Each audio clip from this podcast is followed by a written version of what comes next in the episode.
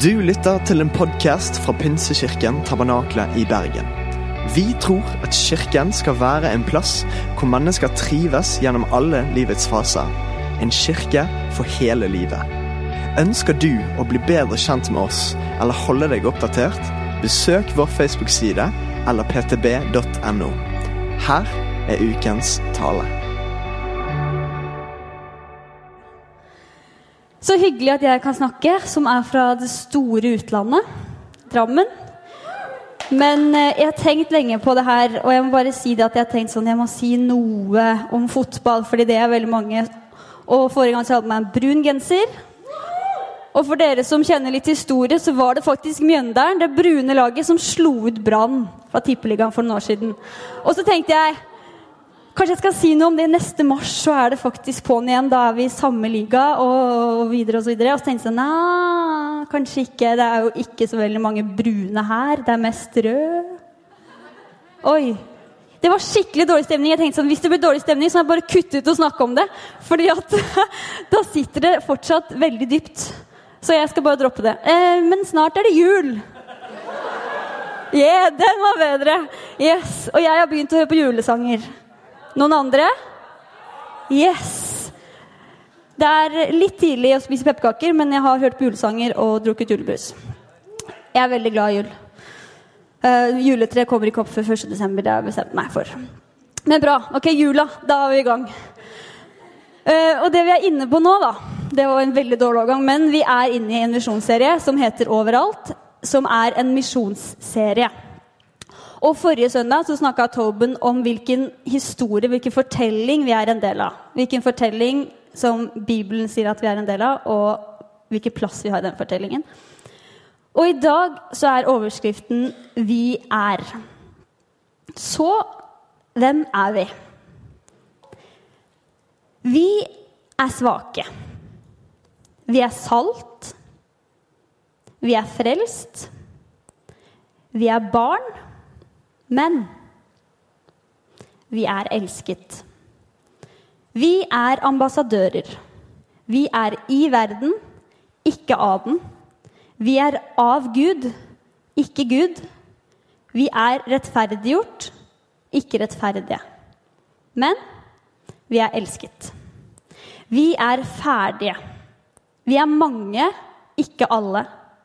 Vi er vitner, vi er tjenere. Men vi er elsket. Vi er kristne. Vi er hellige uten kraft til å helliggjøre. Vi er Kirken. Men vi er elsket.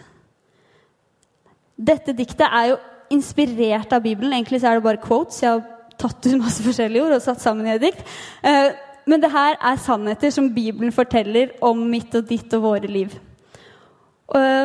Og det er sannheter som jeg kan få lov til å bygge livet mitt på. Alt er jo bygget opp av noe. Dere er enige? Alt er bygget opp av noe. Scenen er bygget opp av noe. Dette er bygget opp av noe. Jeg er også bygget opp av noe, og mitt liv og min sjel kan også være bygget opp av noe som jeg velger. Og jeg har lyst til å velge at mitt liv skal være bygget opp av sannhetssteiner. Og disse sannhetssteinene som jeg leste, og mange andre. Og det som er så kult, er at eh, når jeg bygger mitt liv på disse sannhetssteinene, så er det ikke bare mitt liv jeg bygger på, men jeg kan også være med å bygge andres liv. Dag O. Hessen det er en biolog og forfatter, en norsk biolog og forfatter. Han har skrevet en bok som heter Vi. Eh, og Han snakker om samarbeid, og han snakker om eh, hvordan vi kan være gode mennesker, hvordan vi kan ha god moral. Og overskriften i dag er jo 'Vi er'. Den er ikke 'jeg er'. Det handler ikke bare om meg. Men det viser at fellesskapet er viktig for hver og en for at vi skal komme i mål med Guds misjon i verden. Fordi den er stor, og verden er stor, og jeg er liten. Og Bibelen snakker veldig mye om at fellesskapet også er viktig i seg selv. Um, og den viser at vi er en del av noe større, og at 'we'll never walk alone'. Apropos fotball. Wow, den, den satt! en gang så gikk jeg nedover Karl Johan. Og hvis dere har gått nedover Karl Johan, så har dere opplevd at det er mange som vil huke tak i deg. Enten så vil de ha penga dine, eller så vil de selge deg noe. Eller så vil de gi deg noe, eller så vil de bare verve deg. Eller masse forskjellig. I hvert fall så gikk jeg nedover, og så fikk jeg en sånn liten blekke, et lite hefte i hånda. Og så hvis man er på vei til noe og ikke tenker seg om, så bare tar man imot. Så ikke helt hva det var. Men tok det med meg, la det i veska glemte det litt bort. Og så når jeg kom hjem igjen, så tenkte jeg sånn Å ja, hva var dette for noe? Og så var det sånn lite hefte. Så sto det utenpå 'Veien til lykke'. Jeg tenkte sånn Oi, dette er kult. Uh, og så sto det veldig tydelig utenpå at dette er ikke religiøst, det har ikke noe med trosliv å gjøre, det har ikke noe med kristendom eller andre religioner. Det her er helt uavhengig. Vi har veien til lykke, bare les denne. Og så var det ikke noe religiøst. Og da tenkte jeg sånn Dette kan bli spennende. Um, og det jeg begynte å gjøre, var at jeg begynte å bla. Så så jeg at det var delt inn i forskjellige kapitler. Uh, hvor ett kapittel hadde ett råd, og så utdypte om det. Og så så jeg jo veldig fort um, ettersom jeg har vært kristen eh, hele livet mitt og lest Bibelen og vært på søndagsskolen, så så jeg fort at her var det mange ting som ligna på ting jeg har hørt i Bibelen eller hørt på søndagsskolen. F.eks. den gylne regel. Den går igjen mange steder. Um, og så tenkte jeg dette gjør jeg et ministudie, så jeg begynte å lese. Og så begynte jeg å skrive og lese Bibelen ved siden av. ting jeg husket, eller bibelen.no søkte opp, eller sånne ting, på de ordene. Og så så jeg jo at nesten samtlige punkter i den boka kunne jeg finne i denne boka. Um, og jeg vet ikke om de er klar over det, de som har lagd den blekka. De var veldig tydelige på at det ikke var religiøst. Men jeg så jo det med mine øyne, at det var mye som de kanskje var enig i Bibelen men som de ikke vet. Så det betyr jo mange ting. Det betyr jo at alle mennesker, ikke alle, mange mennesker faktisk er enig i det her uten å egentlig vite det. Og da er det faktisk vår oppgave å si det til dem. Eh, men en annen ting er at Bibelen er aktuell. Det viser at Bibelen er aktuell. Det viser at Bibelen er forut sin tid. Det betyr ikke at den vel gjelder bare for 2000 år siden, som mange mener at den gjør. Men den gjelder i dag, fordi folk som ikke aner noe hvem Jesus har skrevet sånn annen, et annet hefte som de har hatt med mye av moralen som Jesus har vist oss. Eh, og det står jo også i Bibelen at Gud, Guds ord er som et tveegget sverd. Det har så stor påvirkning på oss og de menneskene som leser den. En annen ting jeg syns er genialt med Bibelen, er grammatikken. Og det er i den ånden vi har skrevet overskriften, eller jeg har skrevet overskriften 'Vi er' i dag. For det står ikke at vi skal bli, eller vi skal være, eller vi skal, eller vi skal, eller vi skal. Det står at vi er. Eh, og det er jo inspirert av Bibelen. Fordi Jesus sier at 'dere er verdens lys'. Og jeg føler meg ikke ak akkurat som et lys hvis jeg går hjem fra jobb, er veldig sulten, um, går av bussen, holder på å snuble i en tigger som sitter med koppen sin og nesten ikke ser på den eller smiler eller sier unnskyld eller noen ting, da føler jeg meg ikke som et lys. Og den tiggeren er sikkert tre, fire, fem, seks, sju, åtte ja, mange mange ganger mer sulten enn det jeg har vært. Eller hvis jeg kommer på Kiwi, og det er en gammel dame som fikler ikke finner pengene sine, eller enda verre, det er noen som sniker foran meg, da er det ikke mye lys i øynene mine. Da er jeg ganske mørk. Da har jeg bare lyst til å komme meg hjem og koke de pølsene. Og spise Ja. Men det er altså ikke alltid at jeg føler meg som et lys. Og likevel så sier Jesus at vi er lys. Og i det så skapes det en mentalitet. Fordi det er ikke en lang vei å gå. Det er ikke noe vi skal oppnå. Det er ikke en slitsom vei fram til det målet.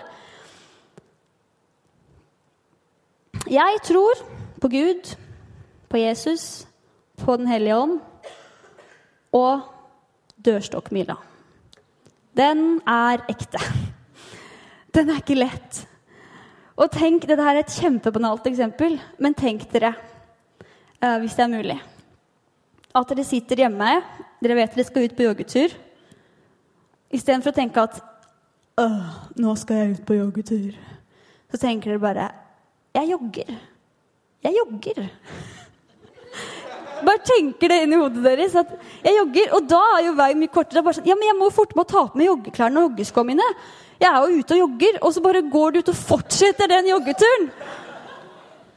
Hæ, det hadde vært nydelig! Men tenk, det, tenk å ha den mentaliteten at vi er lys. Det er ikke noe vi skal bli. Når vi kjenner Jesus og vi følger han, så er vi allerede lys. Jesus og Bibelen har lagt opp til at det ikke finnes noen dørstokkmil. Halleluja! og grunnen til at jeg nevnte Hessens bok, den biologen og forfatteren som har skrevet boka Vi, eh, var fordi han nevner dette her om mentalitet. For han sier hvem vi tror at vi er, påvirker i neste omgang hvem vi er, og hva vi gjør. Den mentaliteten Jesus Jesus Jesus skaper ved å si at vi er lys og er salt og er Guds barn og er elsket og alle disse tingene, det tror jeg er helt avgjørende for det vi skal gjøre og utøve i våre kristne liv. At vi vet de sannhetene. Vi leser sammen fra Lukas 10, 38-42. Da de dro videre, kom han, Jesus, til en landsby der han møtte en kvinne som het Martha, som tok imot ham i huset sitt. Hun hadde en søster som het Maria, og Maria satte seg ned ved Herrens føtter og lyttet til hans ord. Men Martha var travelt opptatt med alt som skulle stelles i stand. Hun kom bort til dem og sa, 'Herre, bryr ikke du deg om at min søster lar meg gjøre alt arbeidet alene?' 'Si til henne at hun skal hjelpe meg.' Men Herren svarte henne, 'Martha, Martha, du gjør deg strev og uro med mange ting, men ett er nødvendig.' Maria har valgt en god del, og den skal ikke tas fra henne. En del av historien som jeg syns vi kirkevante skal tenke over, er at det er Martha som inviterer Jesus til huset sitt, men det er Maria som utøver den gode del. Det er vi som kristne som inviterer andre mennesker inn i kirken og til å bli kjent med Jesus. Men er vi for opptatt med alt som skal stelles i stand? Er fasaden en viktig del av vår utførelse av kirken eller av vårt egne kristne liv? Jeg må ærlig innrømme at jeg har sittet på mange life-grupper og merka at jeg har vært sliten, hodet ikke helt med, så får man disse spørsmålene. Og i stedet for å bare være ærlig og si at i dag er jeg ikke helt med, i dag er jeg sliten, kan jeg bare høre på? Så er det et eller annet i meg som bare Jeg må bare si noe. Og så blir det den remsa sånn Ja, jeg vet at jeg er Guds barn, og jeg vet at jeg ikke trenger å føle på det jeg har følt på, og jeg trenger at vi bare åh. Men det er akkurat som når man har hørt Johannes 3,16 eller bedt Fader vår. Du sier det, fordi du kjenner ordene. De ligger inni her. Men det er ikke alltid de kobles på den mentaliteten vi er. Jeg kan bare sitte på live og si ting som er helt riktig. Det er ikke feil å si det. Men jeg vet ikke hvorfor jeg sier det nødvendigvis. For jeg er kanskje bare sliten, og jeg trenger egentlig ikke å si det. Men, men, men jeg lager en sånn fasade med at ja, men jeg er jo kristen, så jeg må si det. Istedenfor å være ærlig og si at i dag er jeg sliten. Skjønner dere hva jeg mener? Har dere noen gang opplevd det hvor du hvor du vet så godt hva som er riktig å si, men du vet ikke helt hvorfor du sier det der og da. Historien om Martha og Maria viser oss at det ikke nødvendigvis er handlingen som er sentral i møte med Jesus. Jesus han lengtet etter å komme inn i huset til Martha og Maria. Og ikke fordi at det var helt stelt i stand, men han lengtet etter å komme dit for å snakke med dem. Det står at Maria satte seg ned for å høre Jesu ord. Men ett er nødvendig. Dvs. Si lite eller få ting er nødvendig. Og det som var nødvendig, det var det Maria gjorde. Det var det å sette seg ned og høre Jesu ord.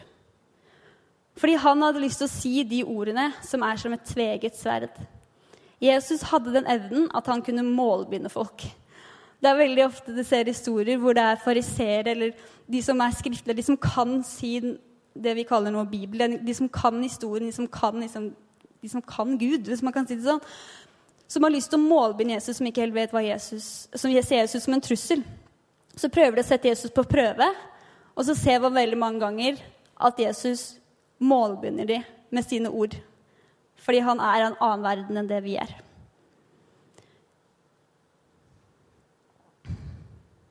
Jesus han bryr seg ikke om vår fasade.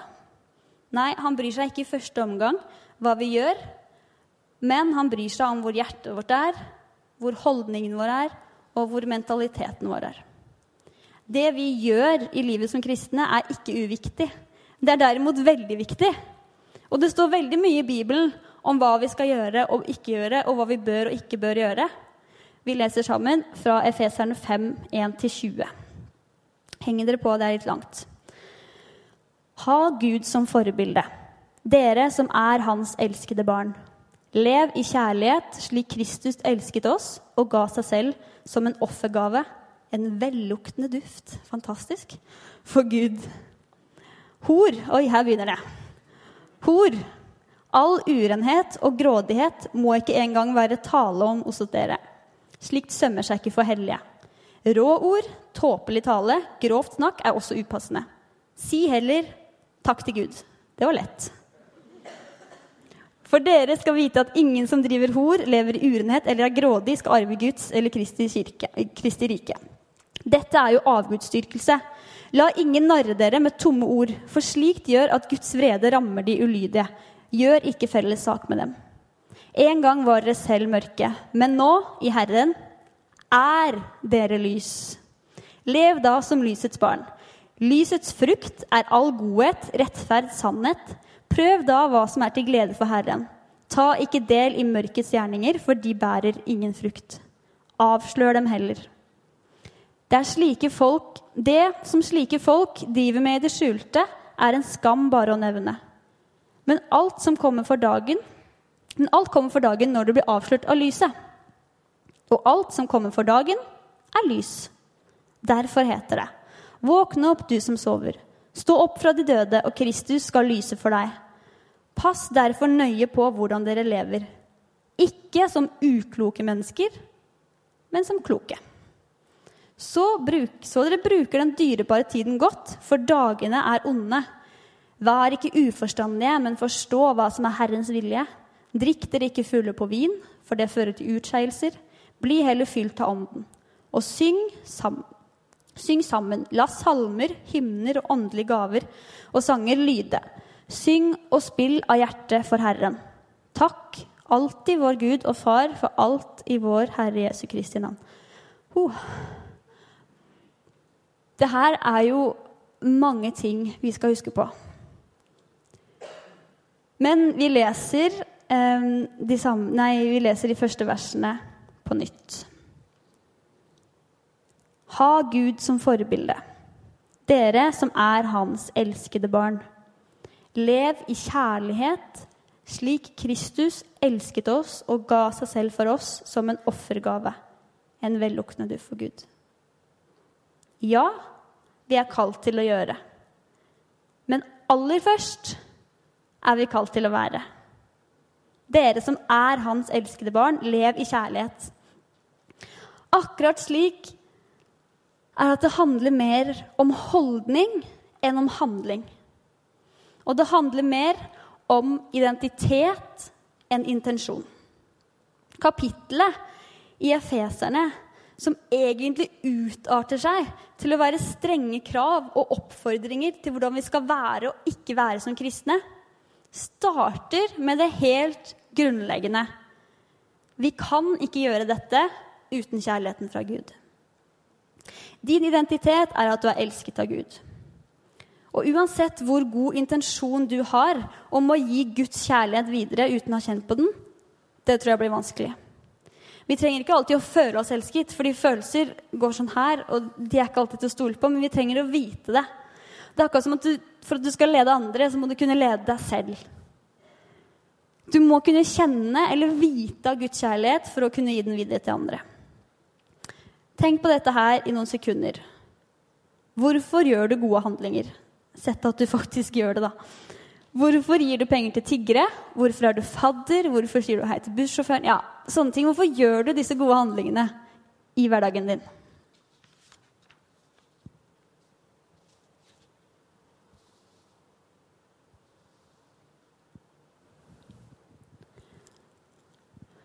Gjør du det fordi du ser mennesket bak den ødelagte fasaden? Gjør du det fordi at du ser nøden i øynene deres? Gjør du det fordi du har oppdratt til det av høflighet? Gjør du det fordi samfunnet kollektivt oppmuntrer og maser om at vi må bidra med bistand, og vi må, ja, vi må være med å hjelpe? Eller gjør du det for din egen samvittighet? Jeg snakka med mange eh, før som har snakka om at de gjør eh, disse tingene fordi at de får god samvittighet selv. Eh, eller fordi de bare vet at de må gjøre det. Og det er jo kjempebra. Selvfølgelig det er jo bedre at vi gjør noe. Vi må hjelpe disse menneskene. Det er jo kjempebra at samfunnet oppmuntrer oss til å hjelpe og til å bli fadder og til å drive bistand. Men jeg tror at hvis det er motivasjonen din, hvis du gjør det for at du selv får god samvittighet, så vil det til slutt ta slutt. Fordi det handler til slutt bare om deg selv. Det finnes veldig mange TV-program som handler om å gjøre noe godt for andre. Ekstrem oppussing, f.eks. Det er sikkert mange som har gråtet til. Det har jeg gjort. Men et annet program som jeg begynte å gråte av, var eh, et som ikke tok helt av. Men det gikk på TV 2 for noen år siden, som het Rett fra hjertet. Og, der er det da eh, mann eller kvinne i gata, folk som også ikke kjendiser, som kan søke om å bli med på dette programmet for å gjøre noe for noen de er glad i. Og det, er, eh, det, har resultert i at det ble mye Det ble beatboxing på lavt nivå, det ble sang på lavt nivå, ble, de hoppa i fallskjerm, noen som hadde høydeskrekk. Poenget deres var at de skulle overgå en redsel. Hvis de hadde sceneskrekk Det var veldig mange som hadde sceneskrekk, så det var mye sang eh, på lavt nivå. Um, men eh, poenget var at de skulle overgå en redsel, så den, den de var glad i, skulle skjønne at Oi, hun gjør dette for meg, eller han gjør dette for meg. Eh, og jeg vet hvor mye det betyr for dem. Og det å høre en brudgom synge 'Camilla og tyven' i bryllupsfesten sin, det er i utgangspunktet ikke så veldig romantisk. Og uten at det var en veldig fin sangstemme inne i bildet, så ble det ikke noe bedre. Men jeg ble rørt fordi jeg visste hva det betydde for den brudgommen. Og bruden ble jo helt, helt rørt, om man sier det sånn. Fordi hun visste at det her gjordes som en kjærlighetserklæring. Hun hørte nok ikke på den flotte stemmen hans, men han, hun visste hva han gjorde det for. Og sånn må vi alltid være drevet av kjærlighet. Sånn at det vi gjør, får en annen dimensjon og betydning enn akkurat det vi gjør, eller det vi sier. I 1. Korinterne 13.1-3 13, så står det Om jeg taler med menneskers eller englers tunger, men ikke har kjærlighet, da er jeg bare drønnende malm. Det er et metall som gir fra seg en ulyd. Eller en klingende bjelle. Om jeg har profetisk gave, om jeg kjenner alle hemmeligheter og eier all kunnskap Det er mye, altså. Om jeg har tro så jeg kan flytte fjell, men ikke har kjærlighet, da er jeg ingenting. Om jeg gir alt jeg eier, til brød for de fattige, ja, om jeg gir meg selv til å brennes, men ikke har kjærlighet, da har jeg ingenting vunnet. Det står jo her om jeg gir alt jeg eier, til de fattige. De fattige får det jo bedre. De fattige får jo noen ting som de trenger. Men hvis du ikke gjør det av kjærlighet, så har det ikke noe å si for deg selv. Da bygger det ikke en identitet. Det gir deg ikke en holdning. Vi er jo inne i en misjonsserie, som sagt. Og misjonens mål er i enkle og veldig kompliserte trekk å vise alle mennesker i hele verden hvem Jesus er. Og hvor skal vi begynne da? Hvor begynner vår misjon? Den starter med hvem vi er. Den må alltid starte med hvem vi er.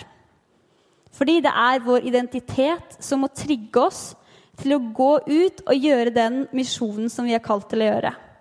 Uten den identiteten som Gud har gitt oss, sliter vi oss ut fordi vi går i oss selv. Men vel vitende om at vi er Guds elskede barn, så får vi en utholdenhet og en motivasjon av en helt annen verden. Den vi er, fundamentet vårt, sannhetssteinen vi har bygd livet vårt på, har ikke bare betydning for oss selv, men den får også betydning for at andre skal komme til tro. Vi må kjenne Guds kjærlighet for å vise den til andre mennesker.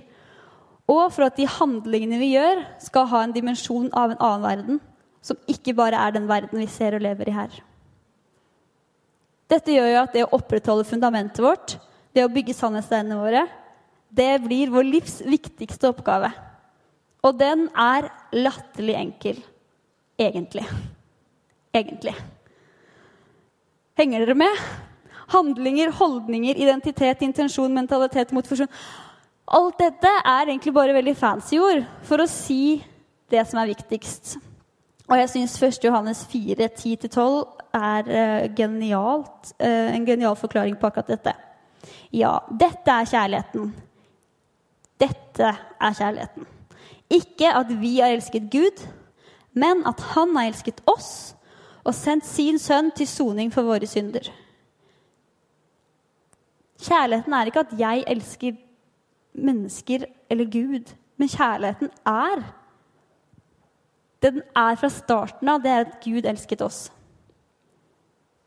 Mine kjære, har Gud elsket oss slik, da skylder også vi å elske hverandre. Jeg tror det skjer noe når vi opplever den kjærligheten, at vi har lyst til å gi den videre. Ingen har noen gang sett Gud, men dersom vi elsker hverandre, blir Gud i oss og hans kjærlighet fullendt i oss. Dersom vi gjør disse handlingene ut av kjærlighet, så ser man at det er en annen dimensjon av de handlingene vi gjør. Og noen vil si at de ser Gud i det. Vi må være drevet av kjærligheten. Og det er så irriterende at jeg har sagt kjærligheten 10 000 ganger, fordi den er så, den er så klisjé. Og man hører den, og så hører man den her, og så går den ut her. For det er akkurat samme som Johannes 3,16 eller som Fader vår. Fordi man har hørt så mange ganger. Men det er så viktig. Vi må være drevet av kjærligheten, fordi alt annet er drønnende malm. Eller klingende bjeller. Eller bare en halvveis sur og stusslig bryllupssang. Ok, misjonærer har nok skjønt greia, tenker du. For de driver bistandsarbeid ved siden av eller før de forsyner eller driver evangelisering. Og jeg tror det er fordi de ser nøden i de menneskene. De flyr til et annet land, de møter en annen kultur. De ser at de menneskene de møter, de har ikke dekket sine primærbehov. Og de vil gjøre noe med det. Men når man hører at begrepet misjon kan bety at du kan gjøre noe der du er, så kan det bli litt vanskeligere. For hvilke primærbehov har vi ikke dekket i Norge? Det er ikke en vits. Hvilke primærbehov har vi ikke dekket i Norge? Og jeg må bare si at jeg tror vi må gjøre noe som er litt mindre overfladisk enn å dele ut kaffe og boller på Torgallmenningen. Det er ikke det at det ikke er fint. Men jeg tror at for de færreste nordmenn så har det eksistensiell eller grunnleggende verdi. Og er det ikke nettopp det store, det grunnleggende, det helt eksistensielle spørsmålet eller budskapet vi kommer med? Vi er jo ikke bare et folk som gjør gode gjerninger, eller som har lyst til å oppmuntre folk. Nei, for vi er satt til å vise verden Guds altoppslukende kjærlighet og veien til Guds hjerte. Og så har jeg laget en vits her som er veldig fin. Eh, og til forskjell fra mannen så gjøres ikke den kun gjennom magen. Var den ikke fin? veldig fin. Men, men poenget mitt er at jeg tror vi må gjøre noe mer drastisk. Det er ikke dumt å dele ut kaffe og boller. Det kan komme mange fine samtaler og sånn ut fra det. Det er ikke det at vi skal stoppe med det. Men hvis vi har lyst til å gjøre noe som har grunnleggende verdi for nordmenn, så tror jeg, gjøre, tror jeg, at vi må gjøre noe som er mer drastisk og mer inderlig for å møte våre egne. Noe av det triste i kirkehistorien det er, synes jeg, er at mange mennesker som har kommet til kirken, har følt seg som dårlige og syndige mennesker. Dere vet sikkert at det har vært opp gjennom historien veldig sett stygt på hatt langt hår og trommer og disse tingene som, som man har hørt om. Og Det er så ironisk å tenke på at eh, kirken er det stedet der mange har følt fordømmelse mer enn nåde. Ja, det fins formaning, altså vil Si tilretteledning, eller at vi kan hjelpe hverandre å holde oss på rett spor.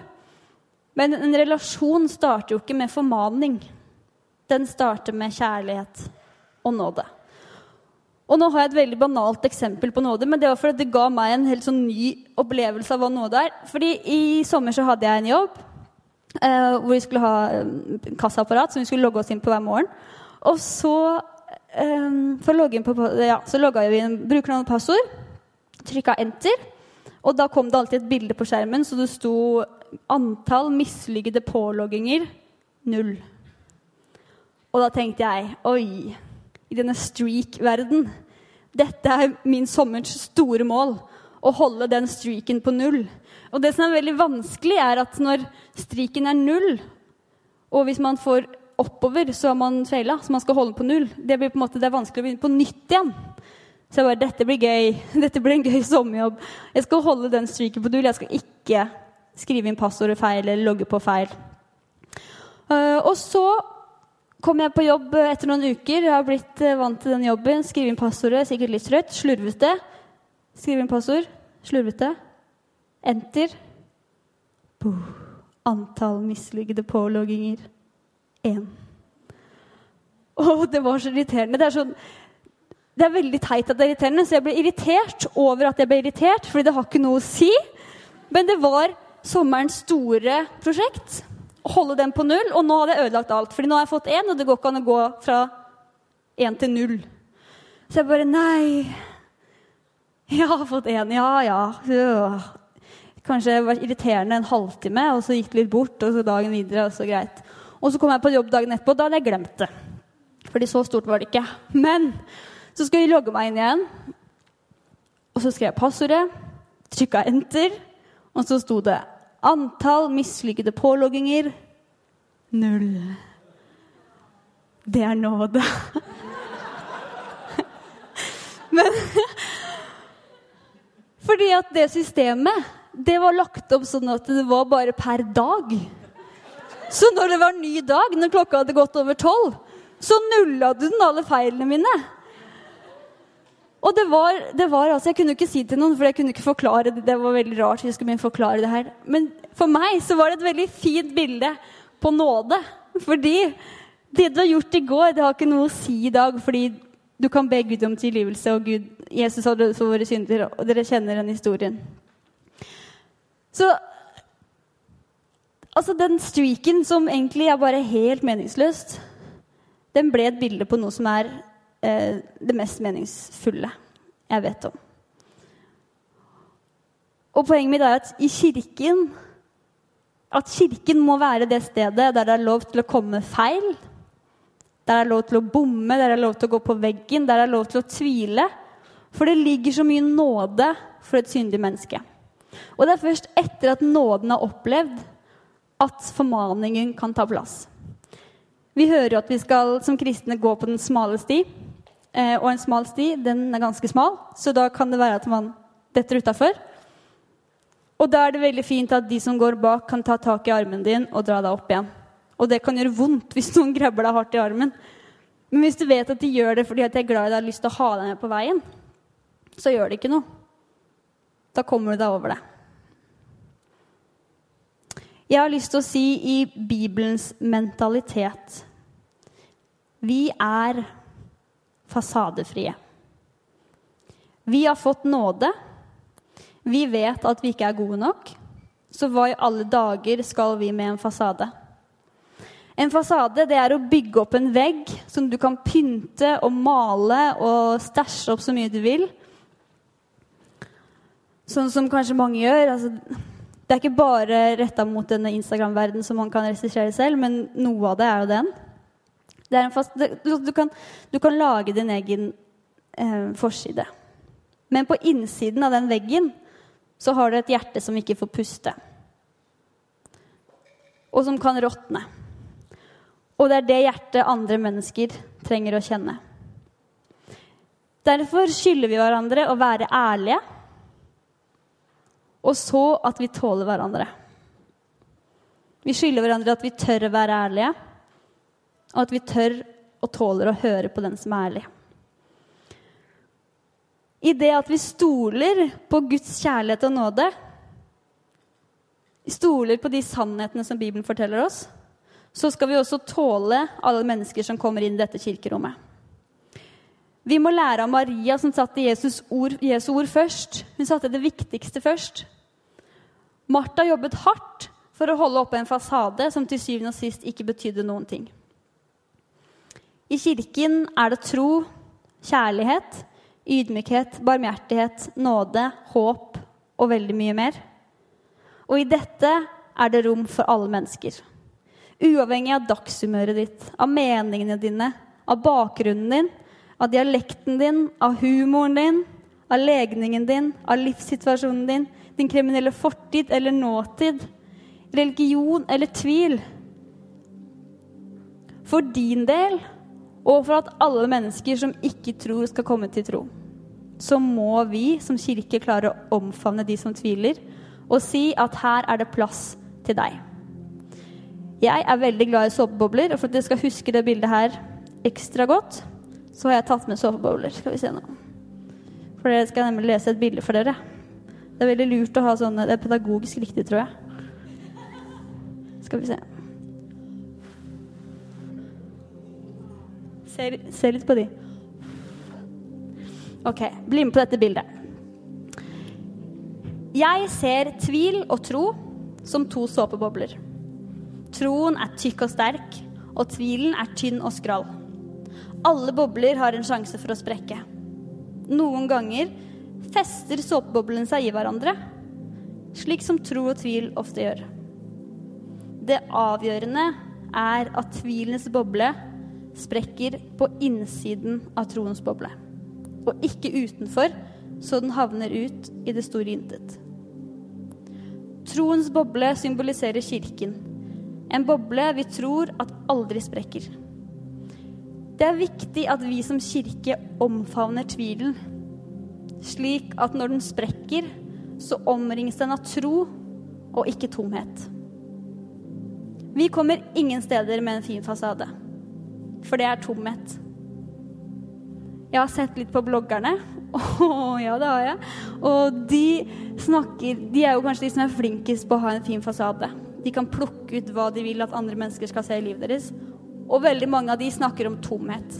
De snakker om at de har en følelse av tomhet inni seg som de ikke skjønner hvor kommer fra, fordi de har det så fint. De har venner, de har kjæreste, de har familie. De har penger, de har hus, de har alt de trenger, men de kjenner på en tomhet. De kommer ingen steder med en fin fasade. Galaterne 6,3 sier at de som tror at de er noe, selv om de ingenting er, bedrar seg selv. Og det er ikke snakk om janteloven, det er ikke sånn for å trykke oss ned.